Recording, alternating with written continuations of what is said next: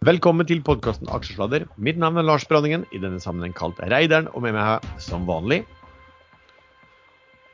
Sven Egil Larsen, traderen. Og den visjonære jallakongen Erlend Henriksen.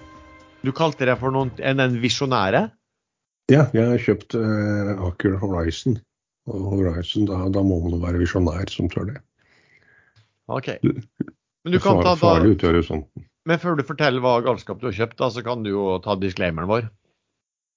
Ja, ikke gjør som vi sier, eh, for vi er totalt uansvarlige. Så dere risikerer å tjene masse penger. Vi ringer råd dersom du hører på hva vi sier der om markedet, aksjer, enkeltaksjer og livet for øvrig, er ansvaret helt og holdent ditt eget. Det kan forekomme feil i det vi sier i programmet. Panelet og panelets gjester kan være langt, kort, direkte eller indirekte eksplodert i aksjer, selskaper og produkter som omtales i programmet. Og vi gir altså ingen anbefalinger. Ehm, før vi tar det faglige, Erlend, tenkte jeg skulle høre med deg en ting. Altså, jeg registrerte at du ble veldig interessert i Det var en eller annen nyhet som kom for noen par, par dager siden, der du plutselig ble veldig ivrig på å, på chatte. Eh, hva var det? Det var noe, var noe, det var noe med nakne og damer og bundet til en bil. Hva, hva var det her for noen ting? Nei, det, det kan jeg absolutt ikke huske. Eh, Kan du ut, utdype litt?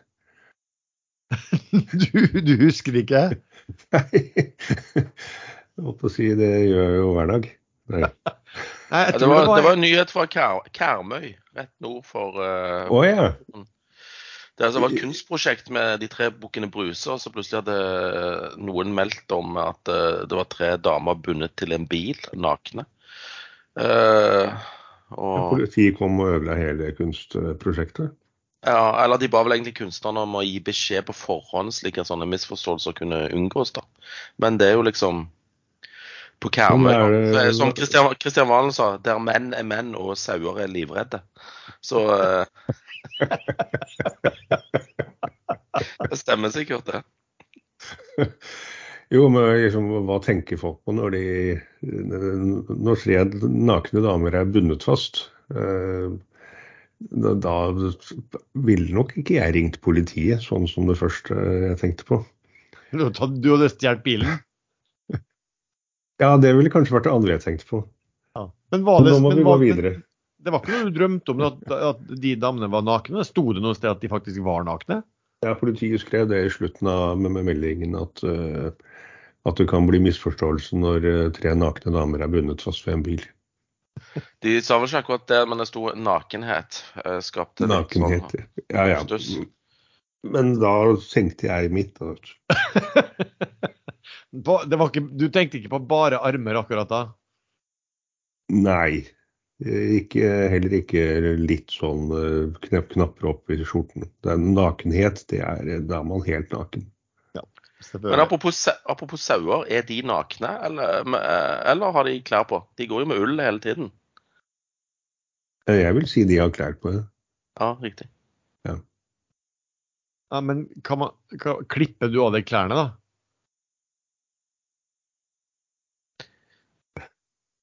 Hvem var spørsmålet til? Nei, det eller den som ønsker seg å være Sverre M. Fjelstad. Nei, skal vi gå, gå videre i programmet? Du må være snill med de fra Karmøy. Vi kan det. Eh, vi starter som, eh, som vanlig, da. Sven, hva, hva har du gjort i uken som har gått? I uken som har gått, så har jeg eh, klart å trade meg ut av denne her Hyon eh, litt i pluss. Jeg ser den er videre opp i dag. De kom med regnskapstall i går, var det vel, eh, og steg eh, pent på de. Eh, de skriver jo i rapporten at eh, det kommer ikke til å være så mye cash igjen hvis de ikke får solgt noe av den teknologiske biten som de da ikke har balanse for. Så vi ønsker all lykke og hell til der. Eh, generalforsamlingen den 15., og det er jo ikke så veldig lenge til der det skal vedtas oppløsning eller ja, et annet godt ord for å legge ned driften. Og betale tilbake en dividende hvis det skulle vise seg å være aktuelt.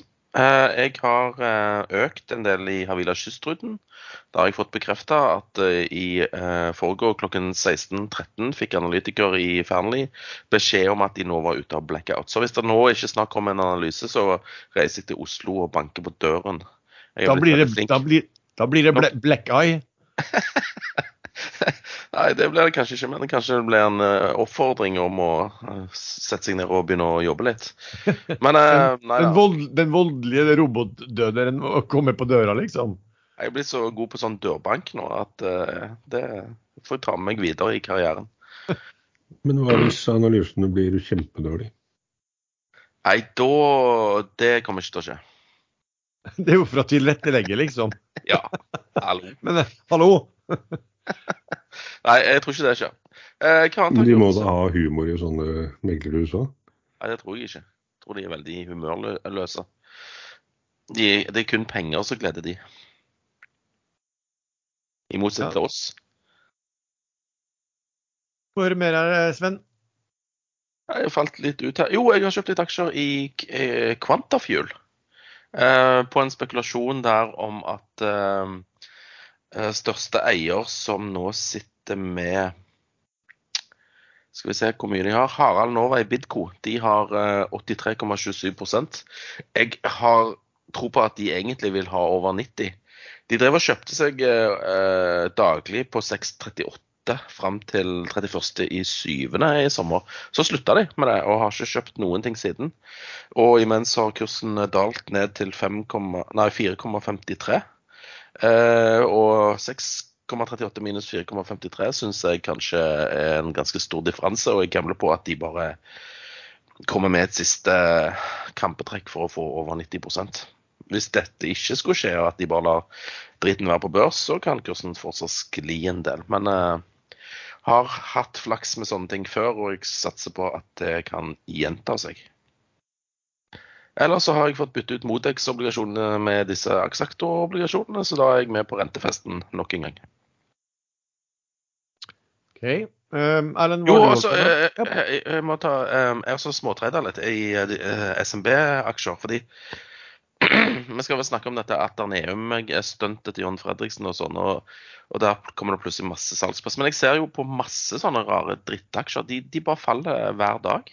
Sånn type over 10% og sånn, og det er lite kjøpere.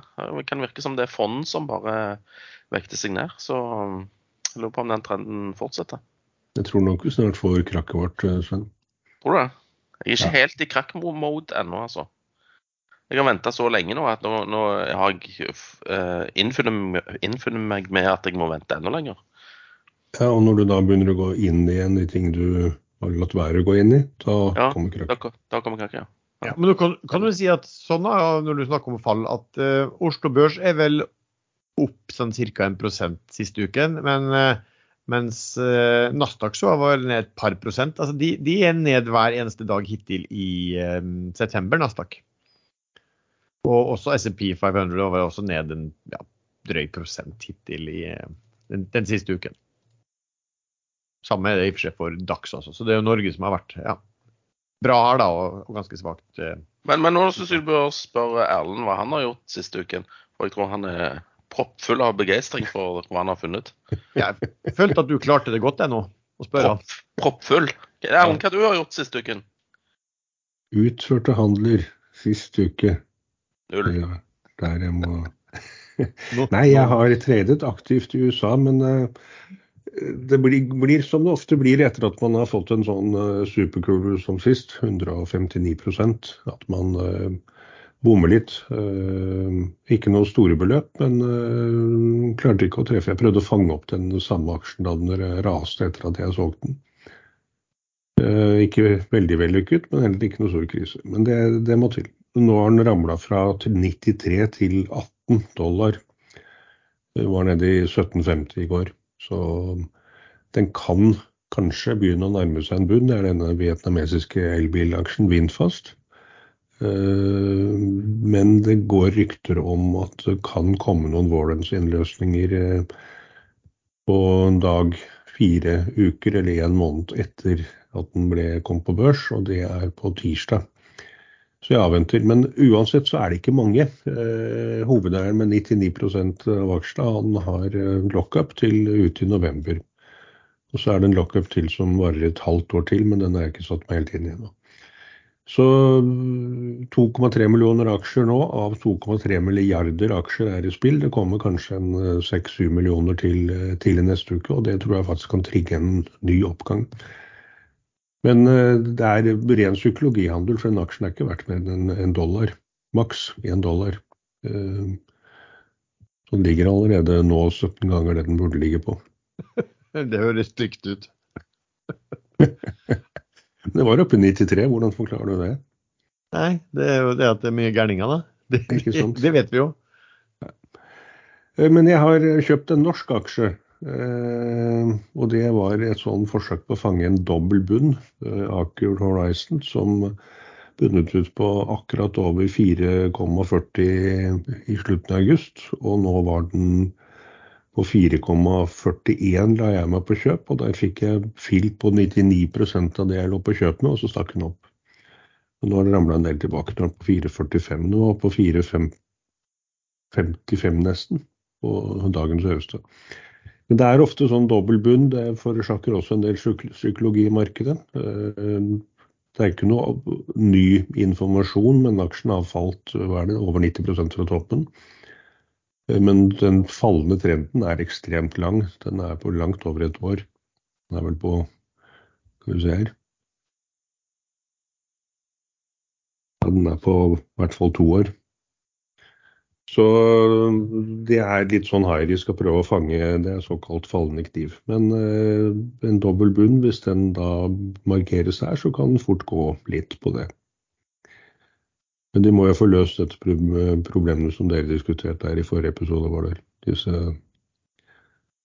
eh, Hva heter det for noe? Borti Chile? Main, mainstream. Mainstream. mainstream ja. Og det kan jo godt være at de løser det på en måte som gjør at den verdien av den posten mer eller mindre nulles. Uh, og da er vel dagens kurs uh, ligger i det høye intervallet av det andre verdsetter aksjen til uten mainstream. Da, blir det da, da får du i hvert fall Skulle det skje, da, så er det i hvert fall andre deler av Da, da, altså, da er det vanskelig å verdsette den, for da begynner du å måtte ta de tingene de har tatt inn som det der gamle Aker Clean Hydrogen, hva skal det prises til? Altså, når, da begynner det å bli en større del. da. Hittil har det jo vært ganske rett å regne på, så lenge man har trodd på disse mainstream-verdiene.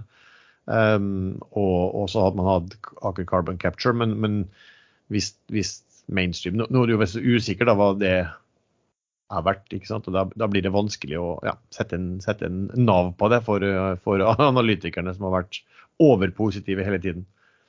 Ikke sant. Så det er en aksje jeg er eh, fort ute av hvis den begynner å nærme seg inngangen min. Jeg har ikke, ikke tenkt å være med ned. Eh, nå er den på 4,45, så det kan godt være at jeg er ute av den før vi er ferdig med å snakke.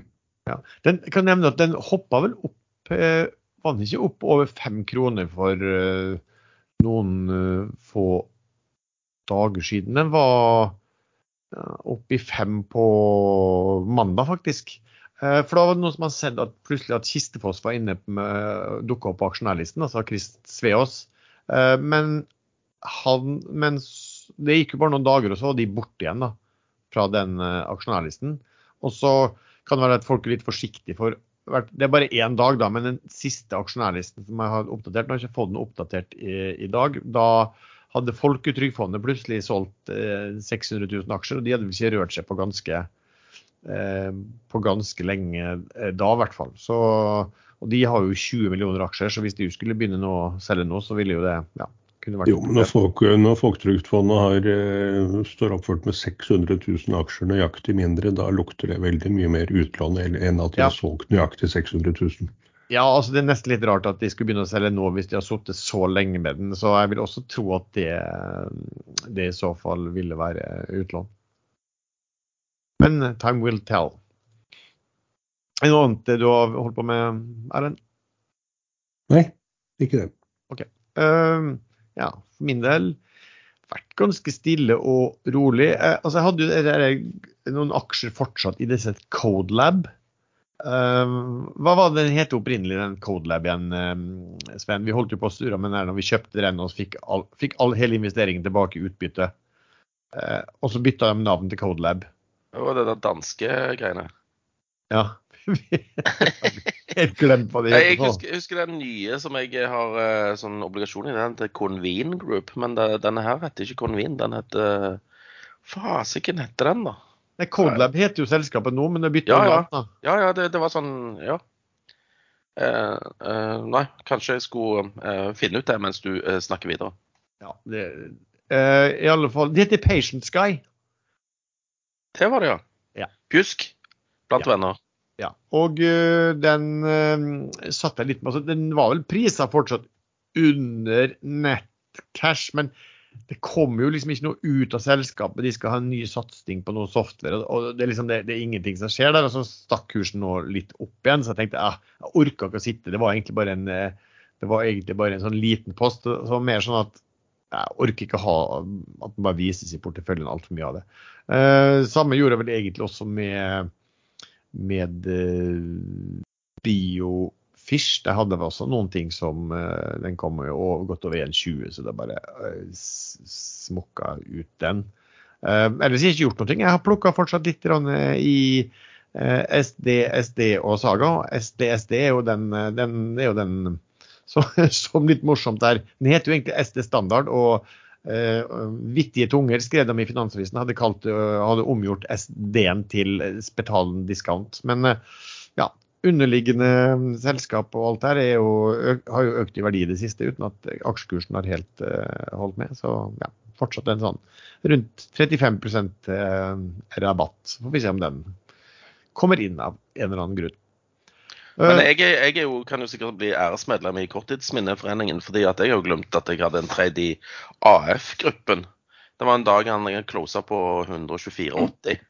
Så kjøpte jeg litt aksjer der, da. Og så sendte jeg melding til Thomas eh, Nilsen, eh, forvalteren i, i disse First-fondene, som da følger den aksjen tett. Spurte han når er AF-gruppen et kjøp. Uh, nei, det gjorde jeg faktisk før jeg kjøpte. Uh, og så fikk ja, Den er alltid et kjøp, men den skal kanskje litt videre ned. og hva, hva. Men uh, så kjøpte de det, og så dagen etterpå så lå den på 126,40. eh, eller 126,60. Da bare solgte de. Og nå er den på 122. Så sånn er traders hverdag, liksom.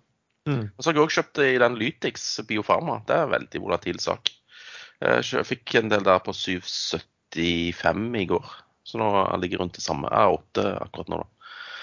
Men jeg, jeg glemmer tydeligvis ut hva jeg holder på med.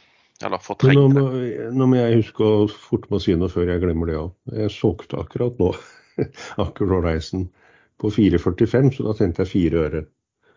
Hvor, hvorfor, gjorde, hvorfor gjorde du det? Det er fordi den, eh, den ligger i en sånn robot og bytter mellom de to tallene. 45, 4,45 og 4,45,20, så plutselig så dum, dumper den ned.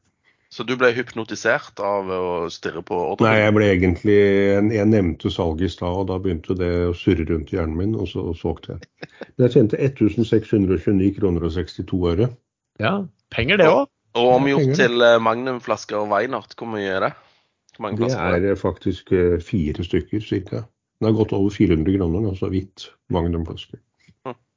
Men hvis man tjener 1629 kroner 67 øre ganger 365, så er det 594 000 kroner i året. Ja. Nå har ikke børsen åpent eh, lørdag og søndag, da.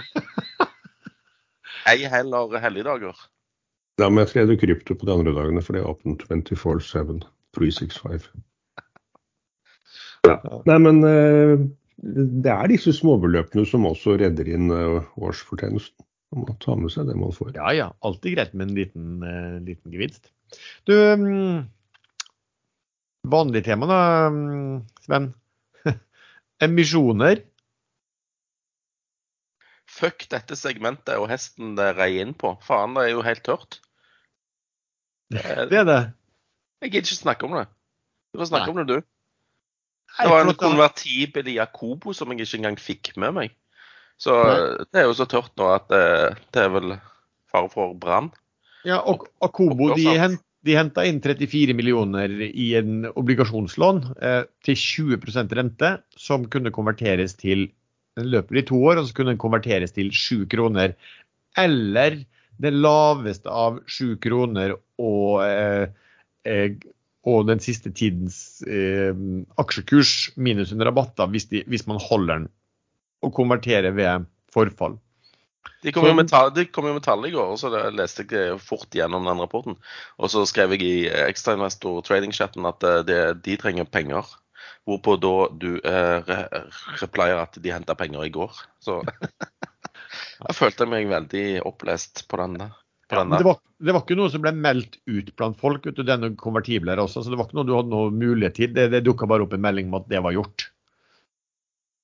Ja. Så, så det var det. Eh, men vi, vi snakka jo sist gang om noen emisjonskandidater. Er det noe, eh, har du sett noen nyheter da, som indikerer snarlige emisjoner, eller? Nei, egentlig ikke. Jeg har sikkert det, men jeg har glemt det ut igjen. Jeg Nei, Vi venter jo på de, de to vanlige. Eller Soft kommer til å ta litt tid, da. For der er det jo sikkert komplekse diskusjoner om lånnivå. Men uh, denne her uh, De skal vel snart betales, de båtene til Golden, eh, Golden Shower og de. Så de må vel snart hoste opp noe, noe ekstra cash. Ja. Og så en vi ikke nevnte sist gang, vi hadde snakka masse om uken før, det var jo um, Atlantic Sapphire. Hører du noe? Der, der har de jo vært Vet du hva, jeg, jeg, ja, ja. Jeg fikk jo en melding. Den samme meldingen, eller mailen som du fikk. Eh, De skal hente penger. Eh, Har dere noe interesse? Og så Jeg meldte jo inn at jeg kan ta 1, nei, 15 millioner aksjer på 10 øre, som er pålydende. Og jeg fikk bare beskjed at ja, jeg melder videre. Men så har jeg ikke hørt noe. Så der kan man jo anta at uh, man uh, ja, sliter lite grann. Men, Men, hvis eh, Golden Shower trenger Golden Ocean trenger penger, kan de ikke bare ringe til CFO i Targovax, som det het før? I Men det er ikke Golden Ocean. Det er Nei, Golden Energy. Hol- Golden Energy, ja, ja. ja. Det som så vidt ligger over en krone, da. Hva må du sette den emisjonen på da? 1,17 ligger den vel på nå. Nei, disse her Oaktree konverterte sine warrants, eller innløste sine warrants på én blank. Så jeg har jo hele tiden tenkt at det blir en blank, men eh, kanskje det, det ikke er nok interesse der. Tror du ikke at de prøver å få satt det høyere, kanskje? Det er kanskje derfor de jobber med det? Det er jo bra interesse i for, for segmentet for tiden. Ja, segmentet er dritthot. Men, men også, det, det, det er jeg helt enig med. Vi, vi har jo sittet hver dag nå og lurt på ok, i dag må det komme en eller annen contemplated, som man kaller det, når selskapene melder at de skal i gang på, etter børsen og hente penger. Og, har, og det har jo ikke kommet eh, no, noe som helst. Men altså, vi er ganske nære Børsen er faktisk ganske nære all time high. Ikke så langt unna i Oslo. Um, og det, det er jo ikke noe dårlig uh, det er jo ikke noe dårlig marked å hente penger i eh, akkurat nå. Det kan bli, altså, for å si sånn, det kan bli alle de som vi ramsa opp sist gang som, som, som, som bør hente penger. Det kan bli veldig kostbart å vente og plutselig skulle hente penger når markedet faktisk er blitt dårlig. Så, um, så jeg syns kanskje det er rart av dem at eh, en del ikke gjør det, men, men det kanskje tyder jo på at det underliggende og interessen for SMB-selskap, um, så, mange av disse her er, da. Ja, jeg, jeg bare merker merker det hver dag. Jeg syns de er så svake at eh, også da Det er heller folk som vil ut enn inn, hvis du skjønner. Ja, ja. Uh, jeg jeg syns jeg ser av og til på noen at hvis det plutselig dukker opp litt volum på kjøp, så, så er det nesten sånn der, der folk bare sitter og venter på at det skal dukke opp eh, volum, sånn at de kan hitte på biddet med en gang og, og komme seg ut. Så, Men du som lurte på hvorfor jeg solgte Aker Horizon, nå er best å kjøpe på 444,4. Der ligger ikke så mange. Og du solgte på 10 år over. Ja, 44. Det gikk eh, Ett øre over. Det er Skal mye du- penger, det. Skal du kommentere på- hvert øre nedover her nå? Jeg håper er- jo nå at den ramler godt under 441, som jeg kjøpte på. Ja, det er jo et gigafall. Dette blir en spennende sending, ja. Um, Horizons øre for øre. ja. Nei, men emisjoner de har altså skuffet noe voldsomt i uken, og så får vi håpe at det blir noe mer neste uke. Um, men det som har kommet, eh, Sven, som vi bruker å ta opp, er jo indeksendringer. Ja, riktig. Der eh, ble det jo meldt at uh, fra den 17. oktober, nei september, så er det ny OBX og ny OCBX. Jeg må bare inn og, og jukse litt på Twitteren min her, for jeg lagde en, en en tweet av det i går. Der var han, gitt. Um, OBX, ja. De trer i kraft mandag 18.9, så neste fredag, altså en uke fra nå, så er det indeksfredag. Og da pleier det å være eh, store volum i spesielt eh, sluttauksjonen. Så det er jo noe å følge med på. Eh, men i OBX-en så kan vi jo ta de som går ut først. Det er MPC Container, det er Kahoot og Rex Silikon. De blir erstatta av Gjensidig forsikring, Norwegian Air Shuttle og Høg Autoliners. Og det fører jo til at Høg Autoliners òg går inn i OCBX, mens Arendals Fossekompani går ut. Og så var det masse endringer i denne eh, OCBX ESG, men det driter vi i. Den generasjonen er nå død, per definisjon. Men tror du mange, Vi har jo snakket om det før, at da begynner fondet allerede, eh, ja, allerede å tilpasse seg? Ja, allerede begynt. Ja. Du ser jo bare på Rexi og sånn, kjempesvak. Kahoot, ja. der er det jo noen budgreier. altså det er for for uh, altså Det ble, kompliserer jo bildet litt, men uh, òg er relativt svak. MPC har jeg ikke sjekka.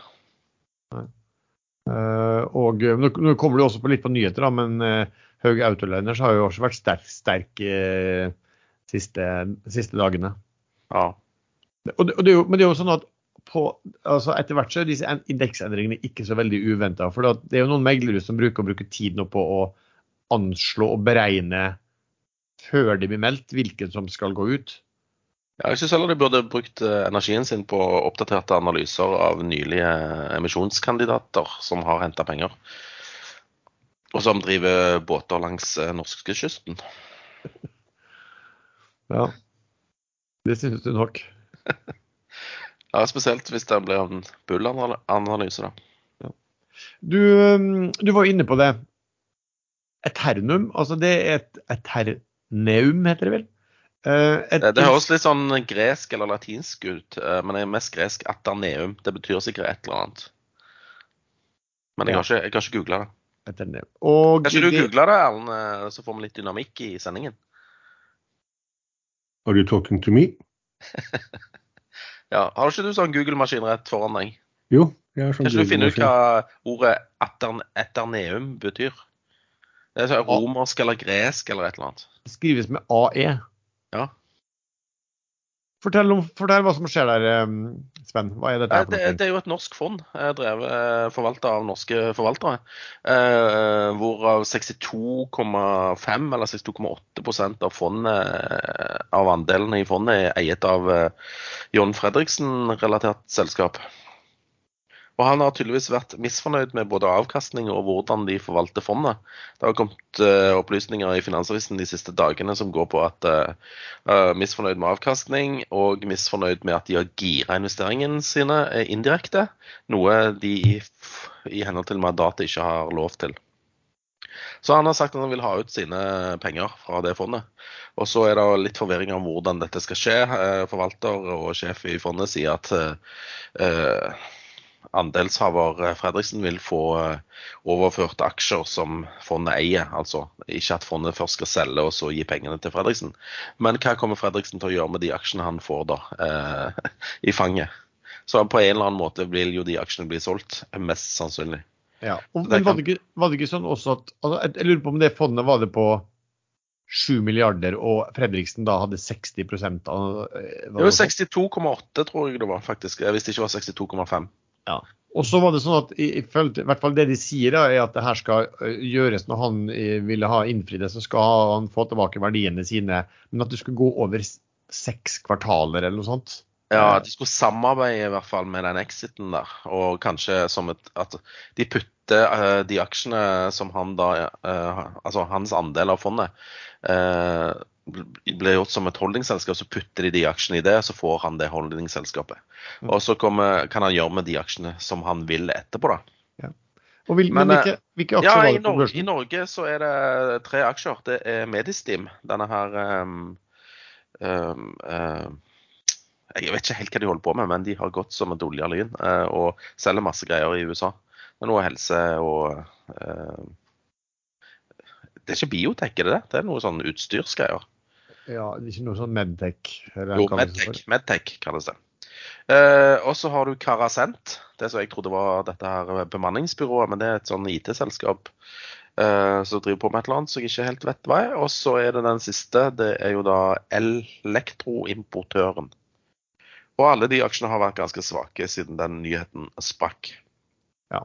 Og så har han en, ganske mange svenske også, forstår jeg. Masse svenske, deriblant Skistar, som var en av de som var gira sånn indirekte. Ja. At de kjøpte en aksjepost i Skistar, men de kjøpte et selskap som eide de aksjene, og det selskapet hadde en gjeld på 600 millioner. Ja, jeg vet ikke hvordan de svenske de aksjene har gått, men jeg så at det ble kommentert i svensk, på svenske sånne nyhetsbiter også om dette her. da. Så, så da er det vel sikkert at vil tippe at man der også har fulgt med på disse aksjene og tenkt at her, kan- her, her kan det komme en eller annen, i hvert fall ja, et, et nedsalg. eller ja. Jo, selv om ikke etter Neum tar også um, selger de eh, i forkant, så vil jo mest sannsynlig Fredriksen selge de etter han har fått de. ja, hvis du ikke har noe forhold til det og ikke syns det er noe fantastisk, så vet du hvordan det der blir. Og i hvert fall med han som har så, eh, så mye penger, plutselig skal han begynne å få litt mindre poster i, i selskap han ikke har noe forhold til. Så ja, sånn er det. Erlend, eh, jeg tror det var i februar så snakket vi om eh, det som da heter Targovakst, og som har byttet navn til Sirkio. Hva, hva var vi snakket om den gangen, og hva er det som skjer der nå? Sirkio CRNA er vel noe tikkeren blitt. Ja, det CRNA det høres ut som en sånn eh, sykdom eh, som eh, man kan bli rik på å investere i riktige selskaper og bekjempe. Men det har vel sikkert noe med biotek å gjøre, for det var jo en tidligere Torgovax eh, som manglet penger og ikke klarte å henge inn penger på vanlig måte. Og da klarte de faktisk å inngå en avtale om dødsspirallån. Det var på en torsdag kom melding etter slutt. Torsdag 16. februar var det vel, og fredag 17. februar da hadde vi innspilling. Og da forklarte jeg hva jeg mente om det. Og det falt ikke i god jord hos selskapet. Men kursen var over én krone da det inngikk dødsspirallånet, og nå er den på 30 030-tallet. Og nå meldte de vel i går at de måtte gi dødsspirallångiveren bedre betingelser fordi risikoen var blitt for høy på så lav kurs. Så her sitter det en CFO og sikkert en styreformann i selskapet som rett og slett ikke skjønner eh, hva som skjer. Eh, Kursen kommer til å falle mer og mer, og betingelsene kommer til å bli, måtte gjøres bedre og bedre, ellers så risikerer selskapet faktisk å konke. Eh, Hvis kursen faller under pålydende, så får de ikke utstedt flere aksjer, og da må de da må de innkalle til en generalforsamling og endre pålydende. Eh, Så det er, eh, alt er bare negativt. Dødsspiralen kan synke hvis det er en enorm etterspørsel etter aksjene i den perioden hvor eh, disse eh, lånetransjene konverteres til aksjer, men det er det ikke i Targovax. Skal jo, skal jo sies at de, de var vel ikke helt enig i, i beskrivelsen. Jeg vet ikke om de, de var enige i at det burde være et dødsspirallån, men det, det spiller ingen rolle. Altså kursen som etter at eh, du, du advarte sterkt om det, så har vel den kursen falt altså over, ja, over mer enn halvert seg. Ja, Eh, men den- jeg ser faktisk at den begynte å falle allerede den fredagen den da vi spilte inn, og den ble jo ikke offentliggjort før etter stengetid på fredag eller på lørdag. Så, så det er tydelig mange i markedet som faktisk vet hva en dødsspirallån er, og da selger seg ut med en gang. Ja. Og når, når de kom med melding i går da, om at de måtte foreslå til generalforsamling endrede vilkår, så falt jo også kursen i går av 27 Jeg så de også kom også da at eh, når jeg så at de samtidig meldte at de skulle ha en presentasjon for eh, aksjonærene i den forbindelse, så tenkte jeg oi, her er det noen som føler at eh, det, det, dette her ikke kommer til å bli populært, og vi må prøve å forklare det.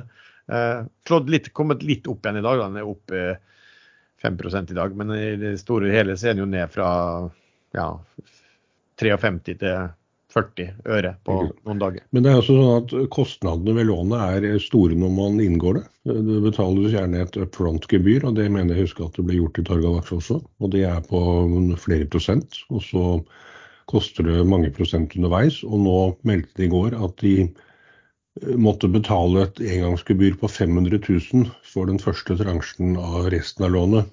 øh, For å få da 7,5 millioner. Det er eh, tilsvarer 6,6 rente smakk rett ut på en dag. Det er, det er helt ville kostnader. Ja. Så jeg skjønner ikke at en CFO i et sånt selskap rett og slett ikke skjønner dette selv.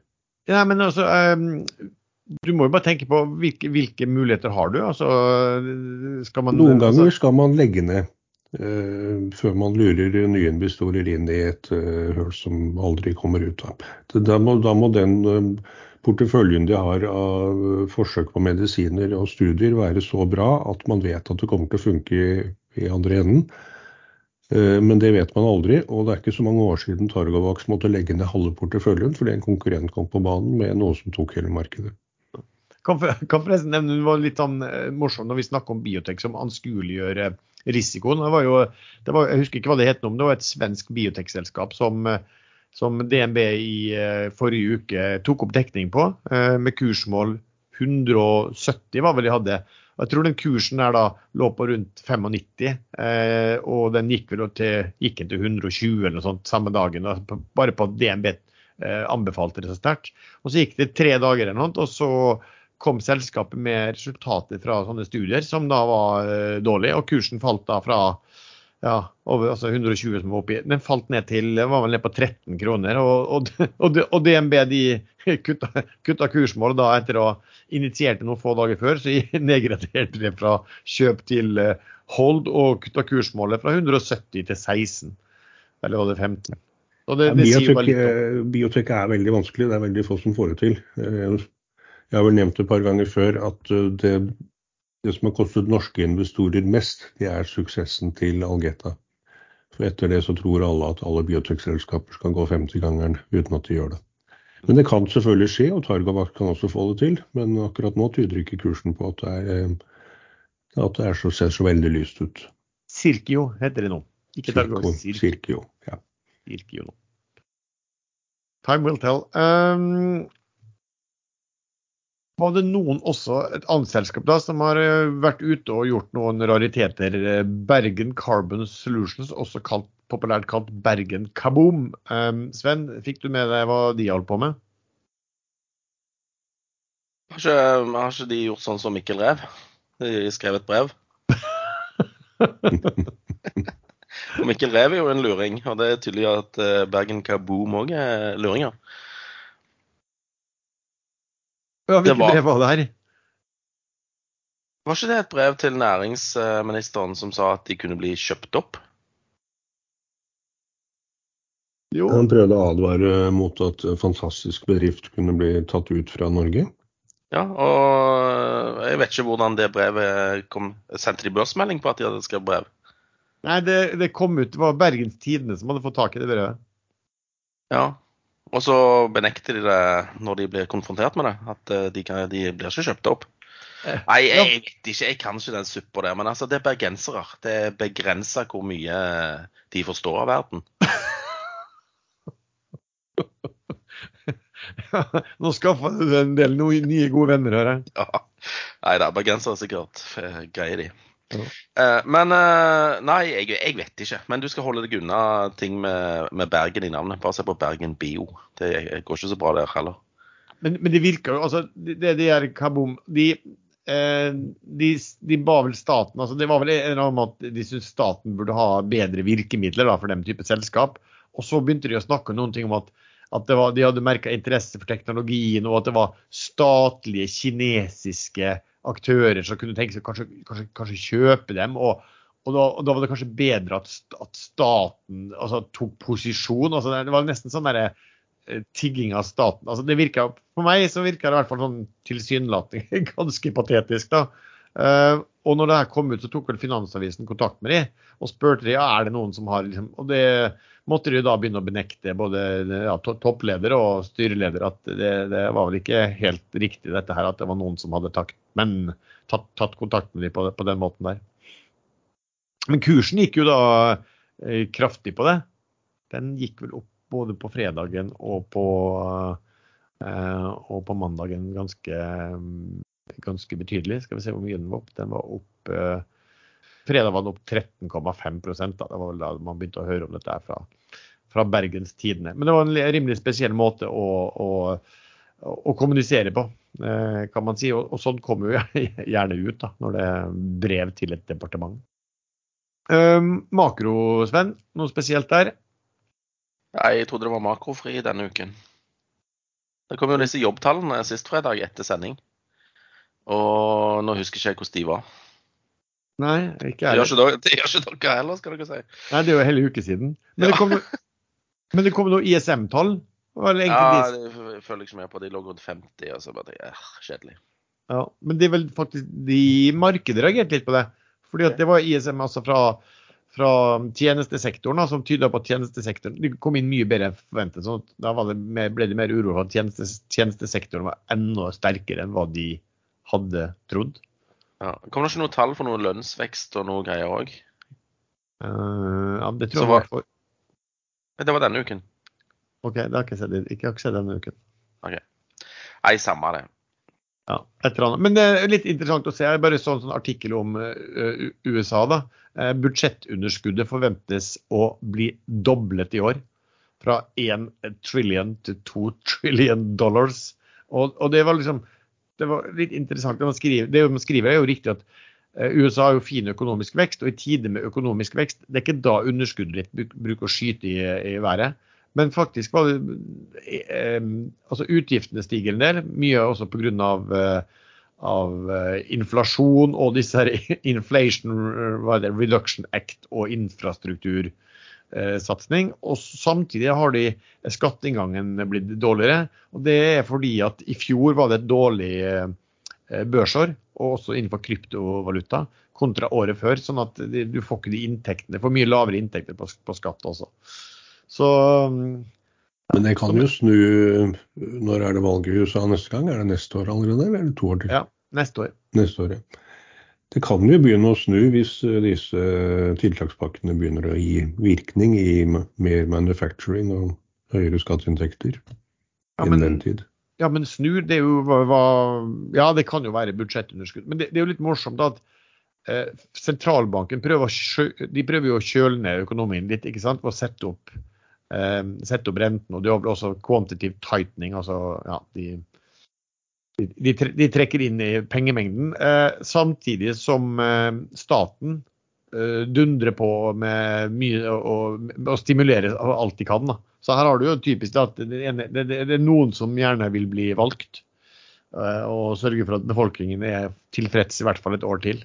Tror du ikke politikerne gjør det de tror er det beste for landet, uten tanke på om de blir gjenvalgt eller ikke?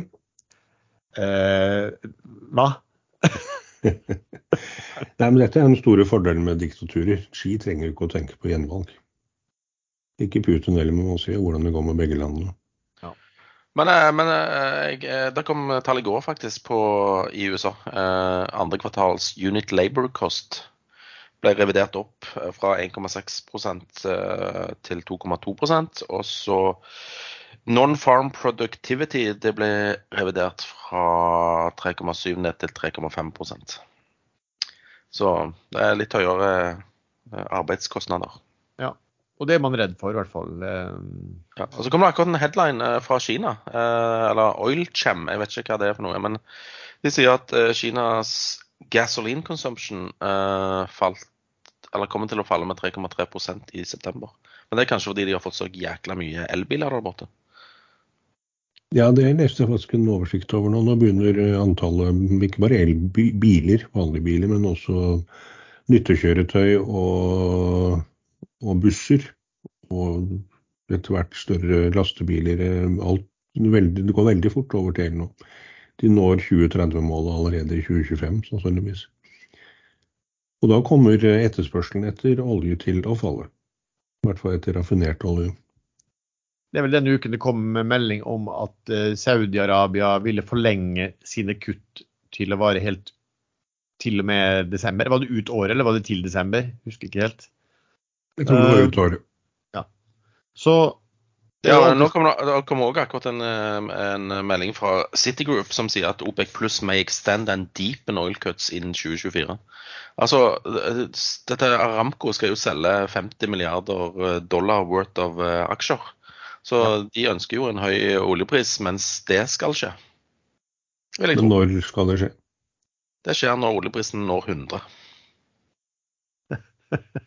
jeg vet da faen jeg hva tid Nei, men det, det, det, er jo, det er jo, det er jo voldt, altså, ak- um, Oljeprisen er jo nesten opp 30% på eh, ikke veldig mange ukene. Uh, var jo, sant, den var jo nede Vi sa jo det sist uke, at oljeprisen er veldig sterk. Og den er jo veldig sterk. Det er over 90 nå. Ja. Men da jo- håper vi at uh, den når 100 i løpet av november, og så får Aramco solgt disse aksjene sine. Uh, og så ramler den ned til under 70 i den 31.12. Så får jeg vinen min. Men det er jo litt sånn spesielt at de, de opprettholder såpass kutt når, liksom, når den stiger såpass eh, såpass kraftig også. Eh, så det var en analytiker som sa at ok, det, man kunne jo tenke seg også at de ser ting på etterspørselen som gjør de litt bekymret for, for framtiden og, og er litt tidlig ute med å redusere. Men eh, jeg vet ikke, rett og slett. Men er det også en mulighet at Saudi-Arabia rett og slett sliter med å produsere så mye olje som de gjorde før? Ja. Det har vært snakket om det i flere år, at øh, de har øh, drevet litt rovdyrdrift på brønner og ikke At det ikke er så mye olje der som man har trodd tidligere. Men det er, det er et lukket land, og det er, en, det er vel den viktigste statshemmeligheten de har. Hvor mye de egentlig kan produsere, og hvor stor reserven er. Og hvor mye de har på lager. Jeg, jeg tror de må ha høy, høy oljepris for å kunne uh, få tak i nye spillere uh, til den fotballigaen sin. Det er også en mulighet. Det, altså, heldigvis så gikk ikke Sala nå i dette vinduet, men han kommer sikkert til å gå for et par hundre milliarder eh, euro eller pund i neste vindu. De, de kutter produksjonen, liksom, pusher opp oljeprisen for å, for å finansiere eh, kjøpet av Sala, liksom. Ja, ja. Litt av en gjeng. Kina er det vel, kom vel også noen sånne eksport- og importtall som viste at de falt ganske mye, men ikke så mye som, fullt så mye som det var forventet, tror jeg. Um, ellers fra Kina så vet ikke om dere så noen, altså, nyheten så den er den om Apple, hvordan de nå ville se på Apple eller iPhone. Ja, det begynte øh, tirsdag, var det vel, at øh, myndighetene ville forby bruk av iPhone i regjering eller i federal, øh, hva heter det for noe? I statsadministrasjonen osv. Uh, og den utvider de visstnok nå til å gjøre det vanskelig å få tak i Apple i det hele tatt. Jeg har ikke satt meg helt inn i det. Men uh, Apple sa vel at hvis de mister all salg i Kina, så er det 4% av omsetningen. Så sånn veldig krise er det jo ikke. Nei. Jeg så det var en kommentar på det at hvis al- altså, de statstjenestemenn det gjelder i Kina, om hvor mange er det? Jo, det var ca. 56 millioner mennesker. så det er jo en del, det også. Um, Jeg så forresten, jeg, jeg tok en, bare en sånn kjapp titt på de regnskapene til Apple for, eh, for uh, første halvår. Området nevnte til. Altså, det er jo litt fascinerende. Da. De, de prises liksom nå på en Hvis du tar første halvår ganger to, så prises Apple på børsen nå til en PE på 26, tror jeg jeg fant ut av. Eh, Men, og, og mange tror jo at fordi at aksjene har gått veldig bra i år, så tror liksom mange at Eller i hvert fall ikke helt det siste, da. Så tror mange at oi, de, de, de turer fram. Men, men altså, de har fallende inntekt og ca. 10% fallende resultat hittil i år. Så, men det er klart, når du har, de sitter på en stor pengekasse, og når de da bruker pengekassen til å kjøpe eh, egne aksjer i markedet hele tiden, så klarer de å kjøre kursen, og både holde kursen og kjøre den eh, godt opp tross, eh, tross fallende tall. Da. Så det må jo være fint for en toppsjef å ha, å ha liksom opsjonsavtaler der, når du kan bruke selskapets kasse til å bare dunke for smelt kursen godt oppover og tjene veldig mye på de opsjonene. Også. Men med vi er på sånn US Tech, hva er det de holder på med disse innsiderne i Nvidia? Det lukter litt rart. De, de selger jo i bøtter og spann. 50 millioner dollar var det vel en solgte for i går. Og over 250 millioner dollar har de solgt for de siste par ukene. Ja, siden tallslippet. Mm. Men eh, det er jo noen rykter der om at eh, de har eh, finansiert eller lånt ut penger til et hedgefondselskap som da har kjøpt masse sånne produkter fra Nvidia for å liksom få opp omsetningen i Nvidia. Det Litt sånn- det, det, det kom som det jeg tolket som en sånn scam-historie på en video som ble lagt ut, men så så jeg på den, og det er en sånn gjeng som holdt på med noe uh, stygge greier under finanskrisen, som de ble Ja, for, anklaget de, for. forsterker, de forsterker bare effekten av dette, disse uh, Hva heter de denne lånene som ble gitt? Subprime. Subprime-lån, ja. For å Ja. få krisen enda større, og så reverserte de og tjente graps med penger. Men vi skulle hatt han uh, Kristian Christian her, fordi han har jo satt seg inn i det. Ja, Hva heter Kristian selskapet Crow, ja. Crow et eller annet? Var det ikke det? Jeg husker ikke hva selskapet heter. Nei, men uansett, Det er ganske nytt selskap, maks to år. Eh, har ingen eh, annen forretningsidé enn å kjøpe Nvidia-chips. Og de Men hva gjør de med eh, de chipsene? Nei, Det er det ingen som vet. Eh, De har blitt stablet eh, opp med penger, eh, også av BlackRock. Og alle Wall Street er nå inne i dette selskapet. 2,3 milliarder dollar har de, blitt, eh, har de hentet inn, og de prises da til 10 milliarder dollar. Og det eneste de gjør, det er å kjøpe Nvidia chips. Det De lukter. selger, men de selger jo det videre til noen Det, må jo Det var det ingen som klarte å påvise. Nei, hvordan det vil være. Nei. Og de Nei, jeg vet ikke. Det, Nei, for Hvis de selger det videre, så har det jo liten effekt. da, fordi at eh, da tar jo de kundene som da ellers hadde kjøpt direkte, eh, ikke å kjøpe fra Nvidia. Ja, det har, nok- jeg syns ikke det har stått så veldig mye i de her tunge mediene på, på det der. eh, Men det, kan, men det kanskje kommer, så vi får se hvor mye som er, kan ligge bak der. da. Man så jo dette uh, Hindenburg. Uh, de som først avslørte Nicolas med en scam og fikk rett. Det var jo ingen andre som hadde sett det som de fant, som i ettertid virket ganske åpenbart. Også dette indiske øh, gigantselskapet som de plukket fra hverandre. Så Ja, men, men Nvidia vet man jo om da at de store, tunge aktørene bruker og sier at vi er helt avhengig av, eh, av chipsen derfra også. Ja, så det, det henger ikke helt på grep. Jeg har vel også lest at det er, det er ventelister på Nvidia chips. Det er ikke alle som får det de skal ha.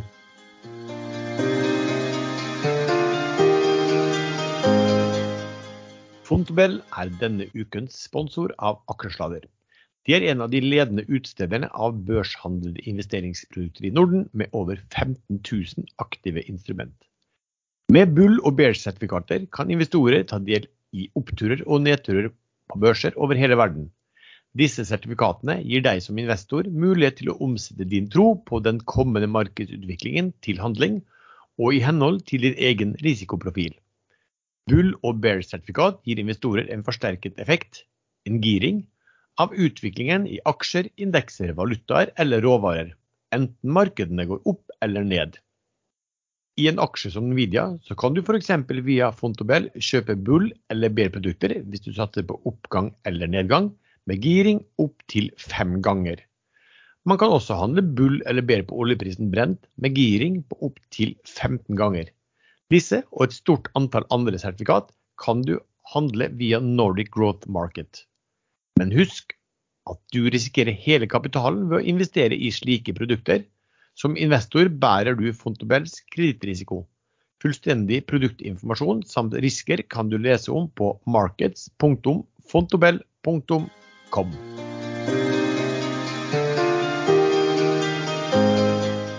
Skal vi se, Spørsmål fra lyttere. Um, her er en som skriver det hadde vært interessant å høre litt om DNB Markets sin salgsavdeling i Crayon, mens eh, fondsforvalteren eh, i DNB samtidig kjøper aksjer i selskapet.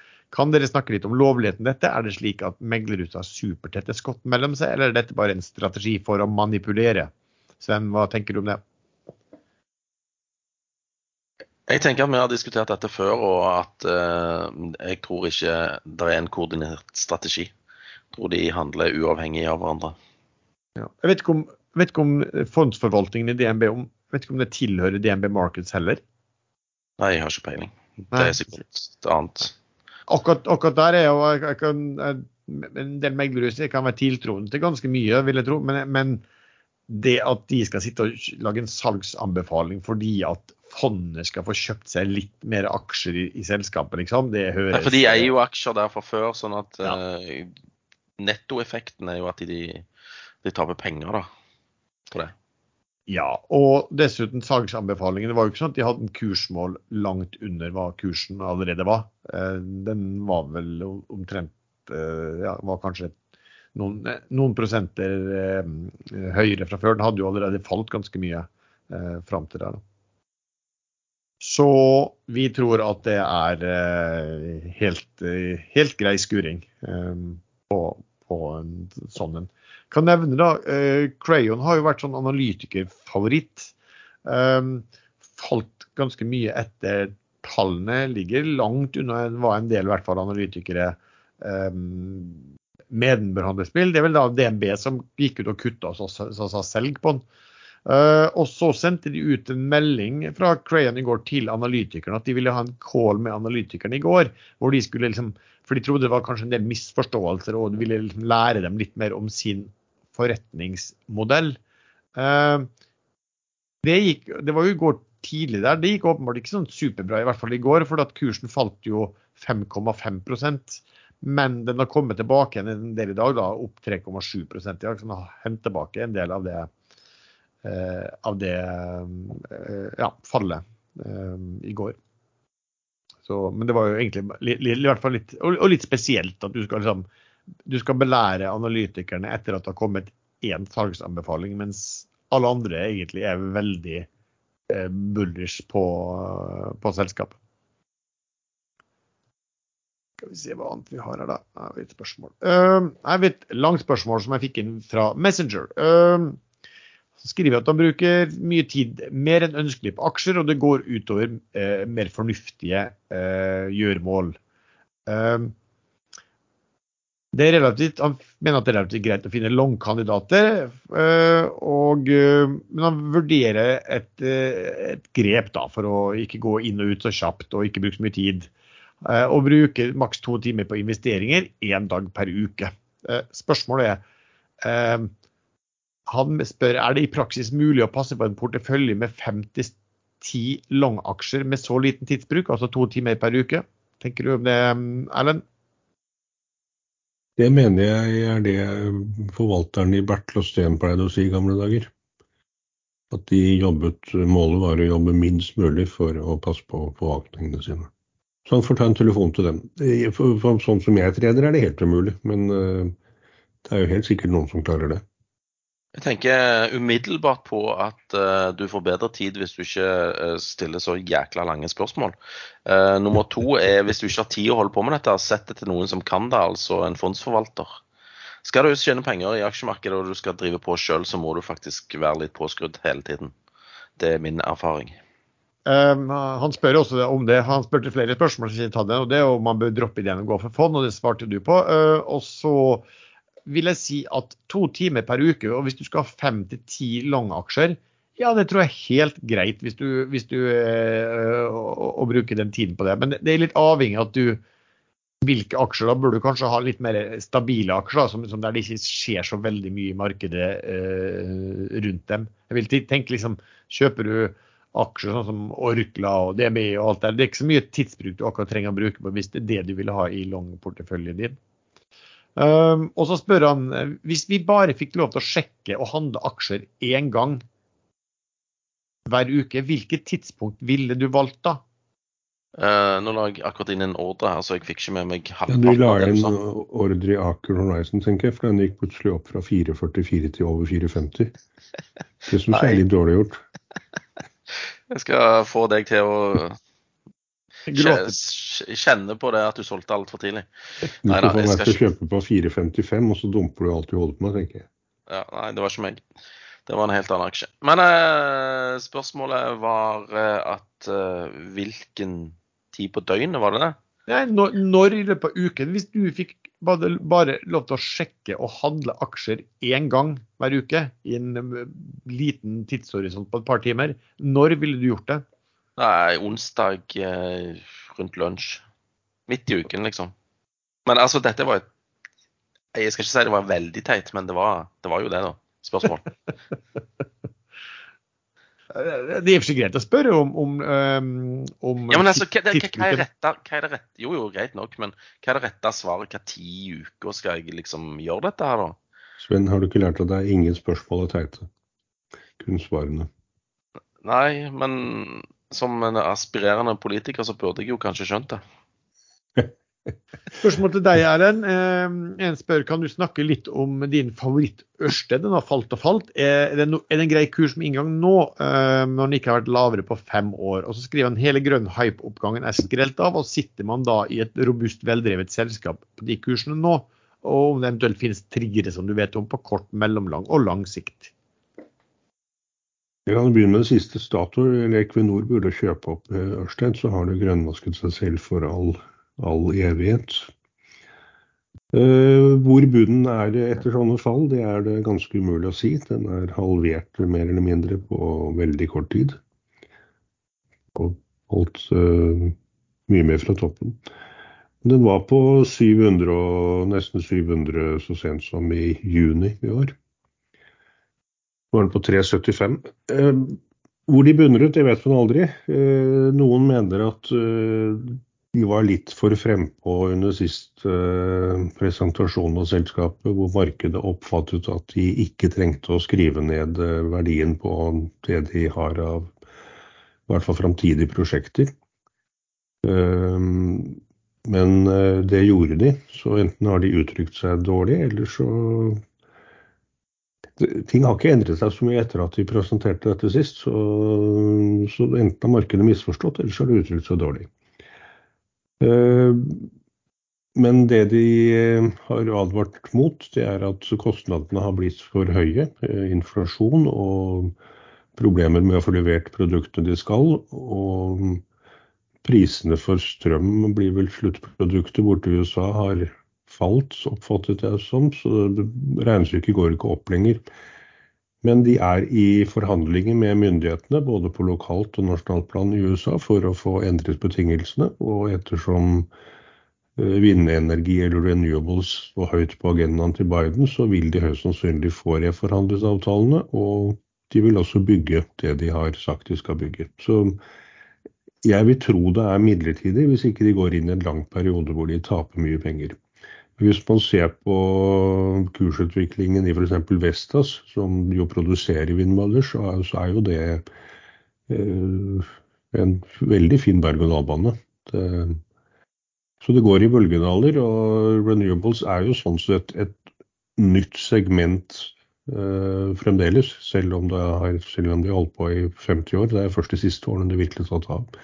Så det må man bare regne med. Eh, men jeg har selv ikke Jeg har vel så vidt eid den oppe på 600-tallet, men jeg ser meg stort sett fort ut igjen.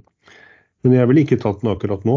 Eh, på sikt tror jeg det blir bra, men eh, jeg tror den skal lenger ned. Den har ikke satt noe ordentlig bunn tydelig ennå. Rundt jul, kanskje? Julekule? Jeg kan, jeg kan kanskje, kanskje bli en fin julekule igjen. Igjen?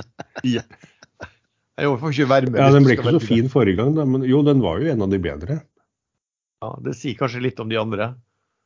Ja, ja, men jeg, må, jeg ble tvunget, tvingt til, som de sier i noen steder i Norge, til å finne en julekule, og da ble det den.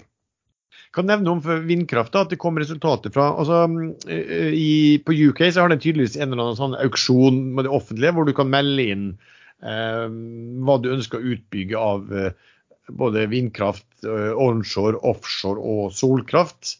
Um, nå, nå hadde jo meldt, De hadde vært skeptiske, de som skulle ha offshore vindkraft. De mente at de uh, sub, maks subsidier du kunne få var, var, for lite i forhold til at uh, kostnadene hadde økt den senere perioden pga. inflasjon og alt annet. Så, så, det endte med at det var ingen tildelinger på offshore, vind, på offshore vindkraft i, i den uh, i den auksjonsrunden da, som, de, eh, som, som de meldte resultatet av i dag.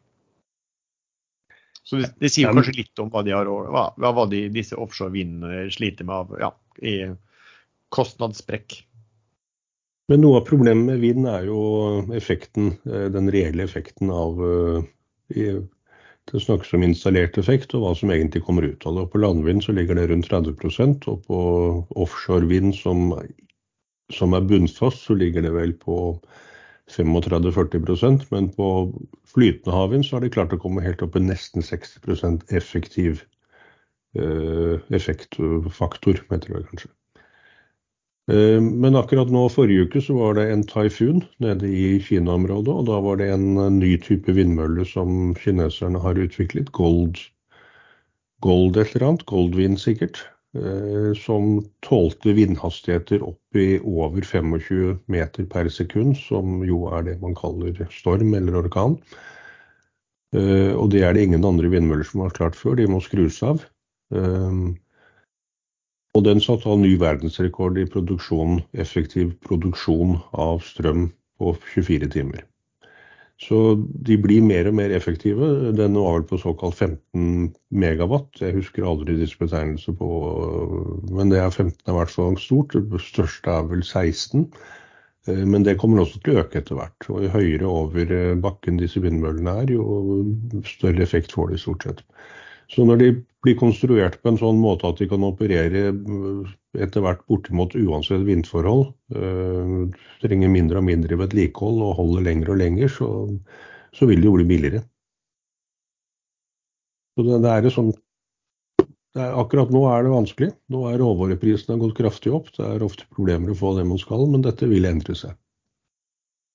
Spørsmål til deg, Sven, angående eh, salg i SMB. Altså angående om det kan være fond som selger seg ned. Eh, og hvis du tror det er det, er, er, er det noen sånn Er det noen tidsperiode hvor, du, hvor, du, hvor de kommer til å selge seg ut? Eh, altså, noen muligheter, noen tanker, hvordan strategi man kan ha i forhold til det? Jeg, har jo omtalt at disse SMB-aksjene har vært svake lenge. og det kan jo tyde på at det er fond type sånn DNB, SMB, uh, som er et relativt, stort fond, kanskje driver og vekter seg ned etter hvert som kunder uh, tar ut penger og osv. Nei, ut året er vel sånn typisk tidshorisont for å lette seg. Hvis det er det Ja. som er strategien. Ja, for det er ikke så lett, det er ikke så lett å lette seg heller. Nei. Altså når de først Jeg vet ikke om dere så eh, SSG på closen i går? Altså dette her eh, Self Storage Group. Nei, så du kommenterte det bare? Ja, han ble trada sånn eh, jevnt Skal vi se her i går Jeg skal bare ta opp dette her intraday-chartet. Uh, den ble trada rundt sånn uh, 3-24 eh, hele dagen. Og så i closen ble det dumpa sånn type 100 000 aksjer ned til 20,5. Jeg fikk dessverre ikke eh, det med meg. Um, for der hadde jeg jo eh, mest sannsynlig tatt der, og, i dag så er den opp 16% Det var tydelig noen som bare skulle ut med type 100 000 aksjer, og bare gjorde det hardt og smertefullt. For det, det er det, sånn, sånn du må gjøre det for å komme deg ut. Ja, og det, det her er jo liksom muligheten kan komme. for at vi, I hvert fall hvis det er litt, litt større aktører hvor den posisjonen betyr veldig lite av dem. Det er bare en sånn liten sånn fluelort. Du vil bare get rid of it, ikke sant? få det ut av bøkene. Så Ja. kan det være selvfølgelig en, en, sånn, eh, gode muligheter hvis du kan plukke sånne. Riktig. Så nei, jeg vet ikke. I dag så ligger han mellom 23 og 24 igjen, sånn som han har pleid å gjøre. Eh, Sven, eh, kom noe melding, var det i går det kom melding om en eh, gigantisk kostnadssprekk? Hva var det? Jo, stemmer det. Det er Gi- Gigante Salmon som Gjett hva de driver på med. Ja, det er, det er oppdrett på land, det. Din Oppdrett favoritt. på, oppdrett på land. Hva skjedde med oppdrett på land? Jo da, ting ble mye dyrere. De har økt budsjettet sitt med 200 millioner kroner for bygging av eh, den utbyggingen de holder på med på Rødøy. Eh, og er nå estimert til 645 millioner kroner totalt. Og jeg sjekka litt på regnskapet. De har eh, kun driftskreditter available for øyeblikket, så de må da mest sannsynlig hente penger. Og Det snakkes om en kombinasjon av gjeld og egenkapital. Men det er liksom fisk på land da igjen. 45% 45% kostnad, altså øknad, kostnaden for, for prosjektet økte med 45% Ja, og den aksjen falt en del i går, men i dag så ligger den eh, flat. Men det er jo Ja, du skal ikke være sånn særlig rakettetterforsker for å skjønne at her eh, må de sikkert litt ned i pris. Og da kan du tenke på disse andre folkene på land. Eh, Andfjord blant andre, og eh, Salmon Evolution. Eh, kanskje de havner opp i noe lignende. det er i hvert fall en mulighet for det, tror jeg. Det, det, det er dyrere enn de tror. Så der eh, Vi lovte vel at vi ikke skulle si gigaemisjon, men eh, klar, klarte ikke la være. Den, den ble for fristende. Ja, den ble for fristende. Vi bruker, bruker å spørre eh, lyttere om jeg skal gjøre en sånn kort eh, regnskapsanalyse på no, noe selskap. Og denne gangen så var det en del som spurte om kan du gjøre noen ting på eh, Havgroup. Og så må jeg bare gjenta, da. Det er ikke noe analyse på vanlig måte der man ser på framtidsutsiktene og hva selskapet holder på med i stor grad. Det er rett og slett bare å se på de siste tallene eh, og, og hva innebærer det. Eh, men har vi jo den det er jo den gamle mm, berømmelige spin-offen eh, fra Havila som eh, en gang Svenne argumenterte hardt for.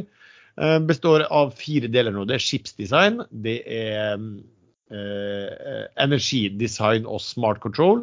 Så har de vannbehandlingssystem, som stort sett er ballastvann, og så har de hydrogenbasert. Den hydrogenbaserte biten er, utgjør egentlig nesten ingenting av selskapet i dag. Så i det store og hele så er inntektene hittil i år skipsdesign 40% energidesign, smart control 30% og ballastvann eller vannbehandling 30 da. Eh, det vi har sett tidligere er jo at det som drar den store inntjeningen i dette selskapet, er jo hvis de får avtale på når de designer skipstyper eh, og får mye oppdrag rundt det. Eh, det er jo der de har de store, store marginene. Ja, så i, Før i dag var det 35 millioner aksjer på 9,7 kurs. Det er altså en market cap på 340 millioner. Bokført verdi av egenkapitalen er på 139, så en price book på 2,4. Uh, eh, når jeg regner om hvis jeg regner om da første halvårstallene, um, så er det viktig å, å, se at i første halvår så hadde de en, en altså de, de tilbakeførte en nedskrivning på kundefordringer på 47 millioner. Eh, og den må du ta bort, for du kan ikke gange den og, regne den som en naturlig del av inntjeningen. Så den er tatt bort i de tallene. Så har du også De har egentlig nettcash på nesten 200 millioner. Men det er fordi at de, da de får store forskudd fra kundene som de bruker. Jeg bruker å korrigere det, så jeg vil si at en vanlig nettcash da, for det er kanskje på en 60 millioner. Uh, I så fall da, så er du på en enterprise value på 280. Vil, vil, vil, du bruke og droppe dette her korrigering for forskudd, så ville det vært på 120 mil. Um, første halvår omregnet. De hadde, de har, hvis du regner første halvår et år, så er de på inntekter på ca. 620 millioner. En EBITA på, på 10 millioner bare, og den er halvert fra i fjor. Men nedgangen i tallene er mye mindre i, i andre kvartal, så det så ut som det var en bedre. Og reelt sett så har de også en negativt driftsresultat i første halvår. Um, så, så du, du, har egentlig både inntekter også som faller, og, og resultat som faller. Du har også Capex, i hvert fall i første halvår nå, som, som høyere enn avskrivningen. Så den jeg kaller for EBIT-stjerne er litt høyere. Men hvis du, ganger, hvis du, bare bruker Q2 og ganger det med fire, så får du jo litt an, ehm, andre, andre, resultater. Nå tror jeg det er lite realistisk å regne det som et, et helt år, men da hadde du vært på en EVE-bit på 5,8 i så fall. Men jeg tror sånn ja, Hvis jeg ser på det, det er ofte litt sesongavhengig også der i, i den bransjen. Men nei, altså hvis du ser på det, så er det jo fallende ordreinngang. Men de fikk en ganske stor ordre på skipsdesign nå rett etter QT, Q2, utløp. Eh, aksjekursen er opp 14% i år, etter det jeg kunne forstå. Um, men for at de skal, altså at skal forsvare dagens kurs, så må de ha få opp inntektene. altså De må få opp inntektene i skipsdesign og de øvrige altså to områdene. De har egentlig hatt en ganske svak utvikling, vil jeg si, det, det, det siste året. Så, så dette må, må, snus opp hvis den kursen skal, uh, tror jeg, bare bare bevares. Men det kan godt, det kan godt skje. Sånne skipsdesignordre de, de kan gi veldig sterk inntjening eh, plutselig. Forresten, eh, Sven, har du sett noe på det siste? Har du vurdert det? Eller er det gått helt i glemmeboken? Nei, jeg føler den er, den er ferdig for min del. Men uh, det dukker sikkert uh, nye ting opp hvis de er flinke på det de holder på med. Han lå ganske stø... Uh, Ja. Stille som et hav. Altså flatt hav, den aksjekursen. Ja, den var vel opp var, var, Hvis jeg ikke så at den var opp 14 eh, i år, som jo egentlig var når, jeg så på de tallene, så var jeg litt overrasket over at den hadde Um, utviklet seg såpass. da. Men du kan jo si at på ett år da er den jo ned 22 så, så den hadde falt en god del før da, så den henta seg tilbake igjen i, eh, i år. Fortsetten og i samfunnet for øvrig er det mange som klager over dårlige innskuddsrente i bankene. Jeg har selv fått tips fra en bekjent om å sjekke ut fixrate og fant deres tjeneste interessant. Det var enkelt å registrere seg, og rentene fra bankene som annonserer på fixrate sin markedsplass er veldig attraktive. Følgende er sponset innhold. Ønsker du bedre rente på kapitalen til bedriften din? Fixrate gir deg eksklusiv tilgang til de beste innskuddsrentene fra over 60 norske banker på sin digitale markedsplass. På fixrate.no får du tilgang til prisene i markedet, og du kan enkelt bestille innskudd og konto hos én eller flere av bankene. Du registrerer din bedrift, og dermed kan du plassere penger. All bestilling blir kundeprosess og dialog skjer gjennom Fixrate sin plattform. De mest vanlige rentetilbudene har flytende rente med et marginpåslag over pengemarkedsrenten og 31 dagers varsel på uttak. Siden 2017 har Fixrate sine kunder flyttet over 50 milliarder kroner fra banker som gir dårlig rente, til banker som gir god rente. De beste tilbudene akkurat nå gir ca. 4,95% effektiv rente. Logg inn på fixrate.no for tilgang til de beste rentebetingelsene.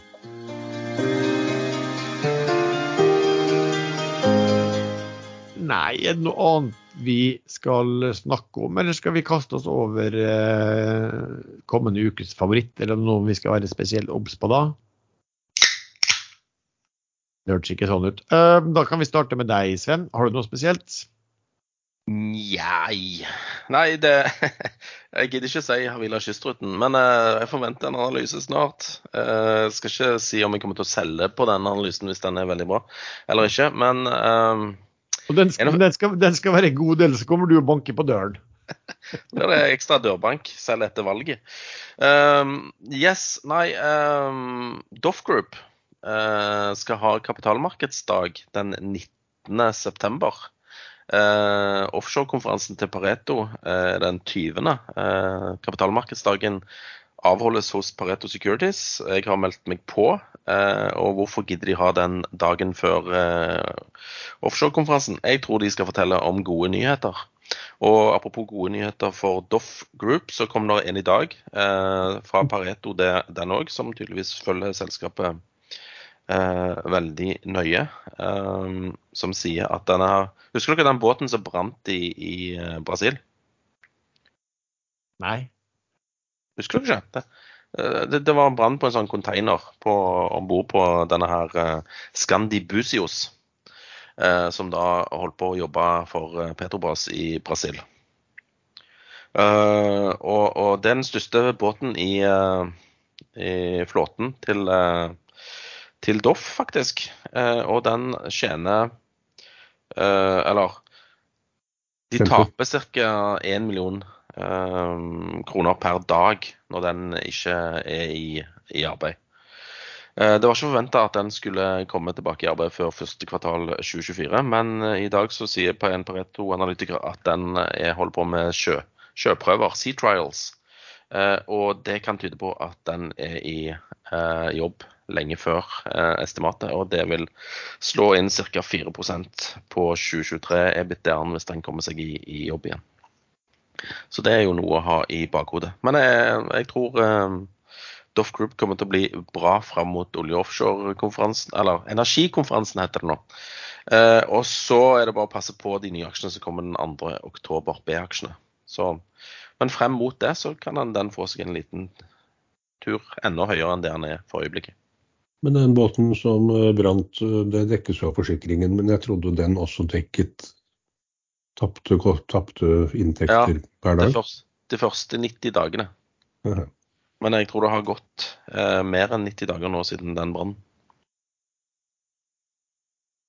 I og med at dere ikke husker den engang. Nei. Jo, jeg husker den. Ja, du husker den, ja? ja det er var, det var andre. jeg, burde, burde jeg husket det siden jeg eier aksjen?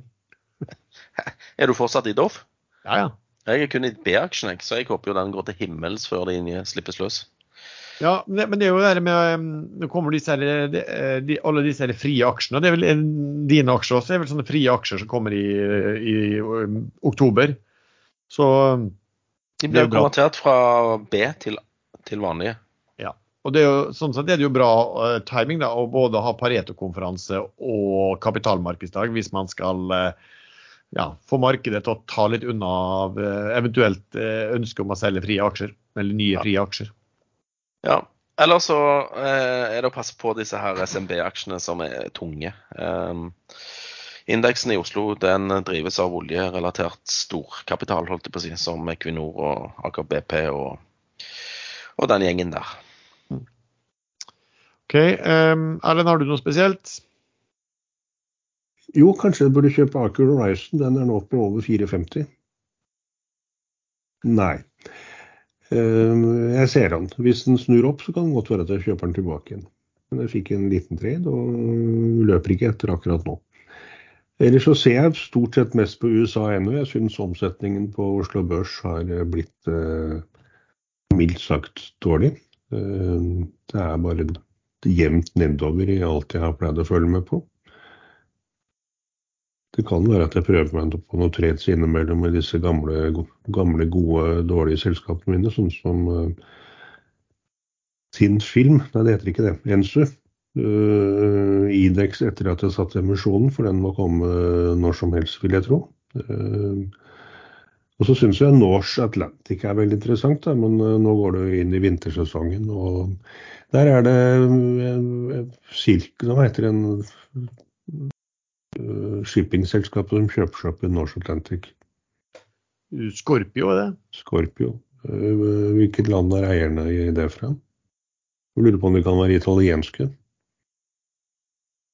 Det var en som antydet at det må være noe mafiagreier, men det er det jo helt sikkert ikke. Men uh, de, de har gjort mye riktig. De er flinke.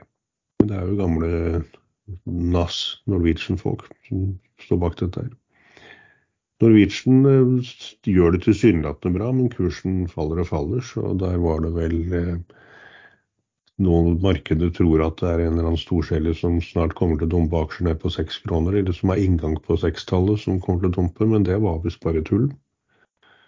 Ja, Nei, det er vanskelig. Eh, USA er mye enklere, for der er omsetningen så sinnssyk. Selv i et lite Jala-selskap kan man være tre ganger eh, dagsomsetningen på hele Oslo Børs. Så jeg følger med på Vindfast, ser om den bunner ut. Og hvis den gjør det, så kommer den til å snu veldig brått opp. Men det er mulig at jeg, hvis jeg er smart, så venter jeg til tirsdag-onsdag neste uke for å se om det kommer nye aksjer. Eh, Men den tar jeg nok på moment. Tilry eh, det er eh, dette canadiske selskapet som stort sett driver i USA eh, med cannabisdyrking, som jeg er prinsipielt helt imot. Men jeg har bitt i det sure eplet og skal investere i både våpen og, og dop og, og sex hvis det skulle dukke opp. Man må ta pengene der de kommer. De har også blitt veldig store på bryggerier. De har kjøpt eh, bl.a. Anheuser-Busch, som hadde den reklamen med en transvestitt som reklamerte for Bud Light, og det falt ikke helt i god jord. Så de måtte selge unna en del, og da overtok Tilry det. Og Det som er eh, det greia med Tilry akkurat nå, det er at Biden-administrasjonen har eh, en, et departement der har sendt et lovforslag, eller bedt eh, bedt politiet, den drug-politiet, hva heter det for den? Federal Drug eh, et eller annet, FDA eller ja, mulig. Eh, Og Justisdepartementet om å endre klassifiseringen av hasj fra den verstingklassen, som er sammen med uh, heroin og, uh, og, og LSD, til en lavere klassifisering som gjør at, øh, at det vil ikke lenger bli noe federal crime å bruke hasj. Det kan brukes som medisin og også Men, men snakker, snakker ikke du om akkurat det samme sist uke? Jeg var det allerede kommet av? Eh, Du holdt på med noe som endra klassifisering, i hvert fall. Ja, nei, men da har, vi, da har jeg også havnet i den øh, Hva er det du kalte det du hadde selv? Kort Nei, det husker jeg ikke. Nei. ja. Det I den greia, i hvert fall. Ja. Nei, men eh, det er veldig interessant akkurat nå. Men det tar nok noen uker eh, minst før man vet noe særlig mer om, eh, om det går veien med den aksjen. Akkurat nå så ser jeg på Solstad, den er faktisk opp nesten 15% på to dager. Det var, det var et spørsmål som jeg, um, var en som var veldig på at jeg måtte stille til deg, Sven. Hva, hva syns du om du, du snakket om en mulig short Solstad long Doff?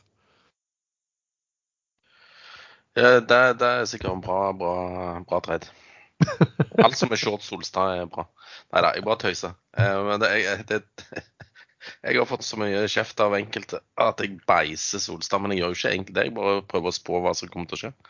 Men eh, jeg ba jo Erlend om å finne ut hva det der eterneum eh, betyr. Og det betyr det er et adverb fra latin som betyr forever, eller eternally. Altså for alltid. Ja, men Det- dere sa at det skrives med A, AE. Ja. Ja, og da må vi til Johannesevangeliet, Johannes' åpenbaring 14,6.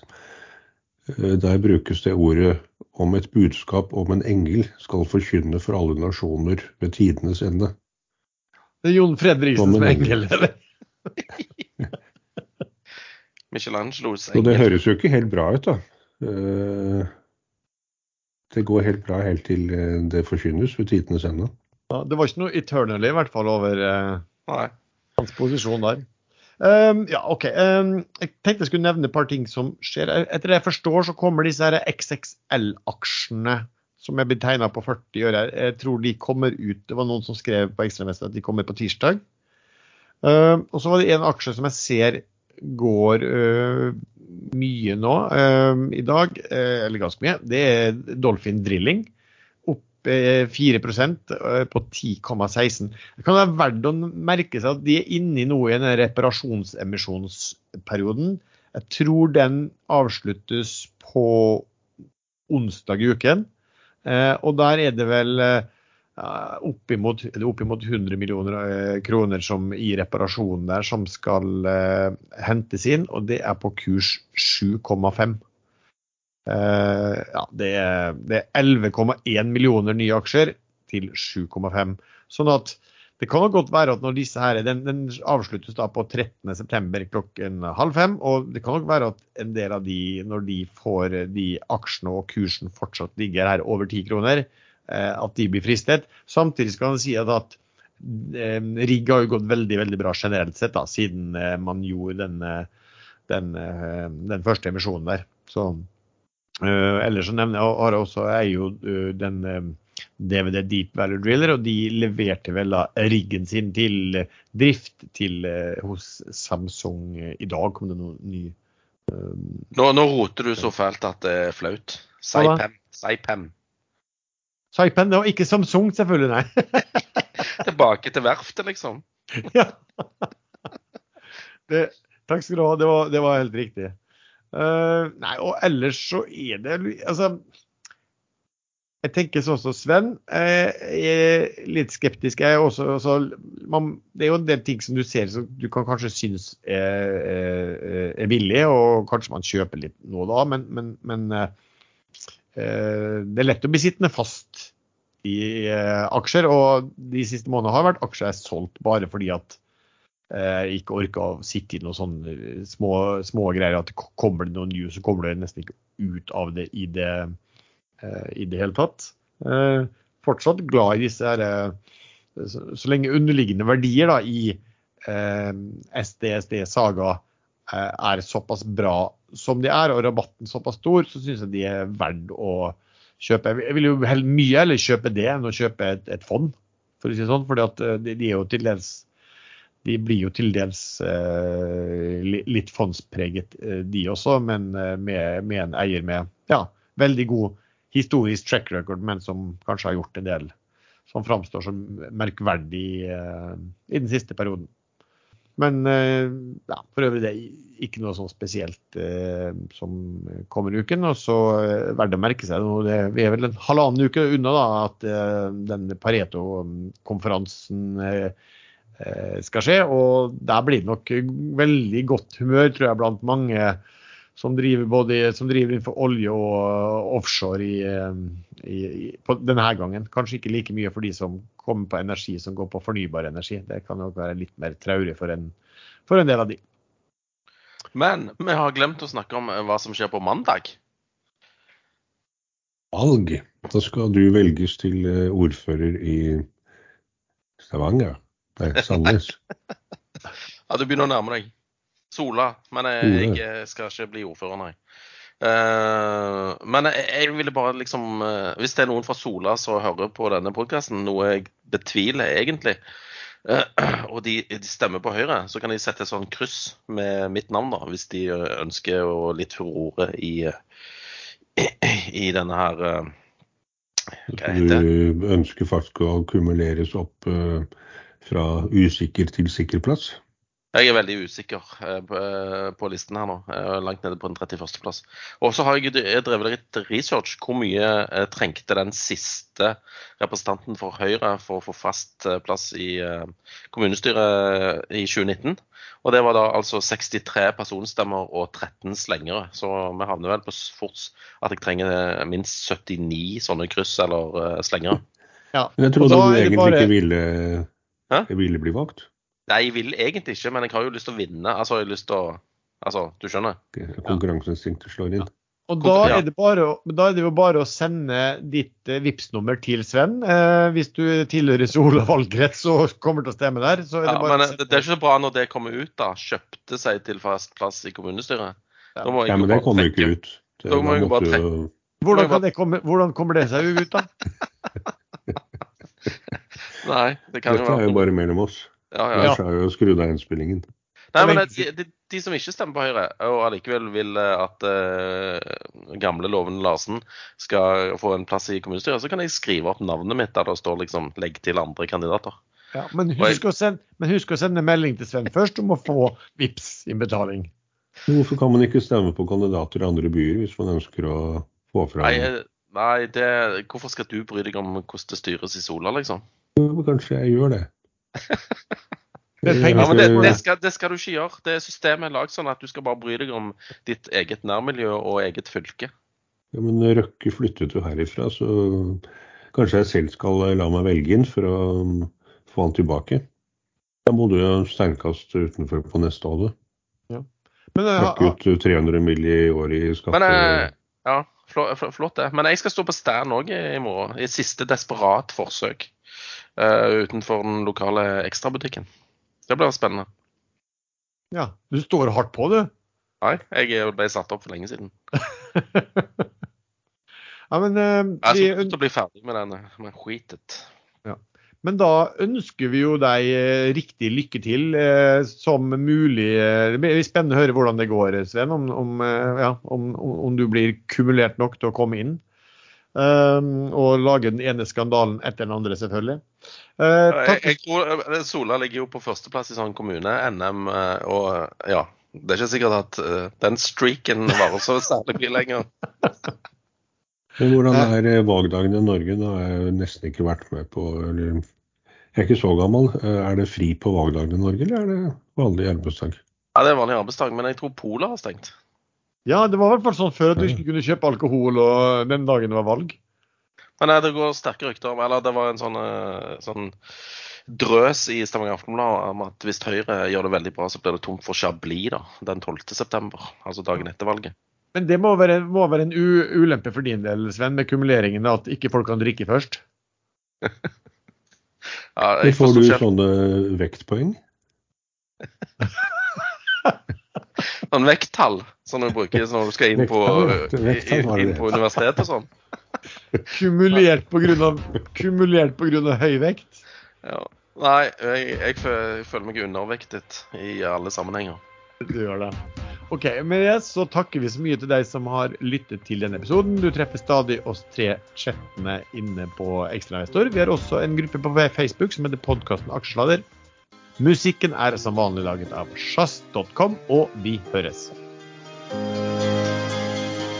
Ja, bra du fikk med den på med, eh, med valget, Sven. Den var, den var bra. Ok. Nei, men eh, jeg måtte jo nesten det. Ja. I et siste desperat forsøk. Det kan jo være at det er en eller to fra Sola som hører på. Hva er det du vil endre? Hva er du misfornøyd med? Det er jeg er fornøyd med alt, jeg. Du må bare, vil bare passe på at andre ikke kommer inn og, og endrer. Ja.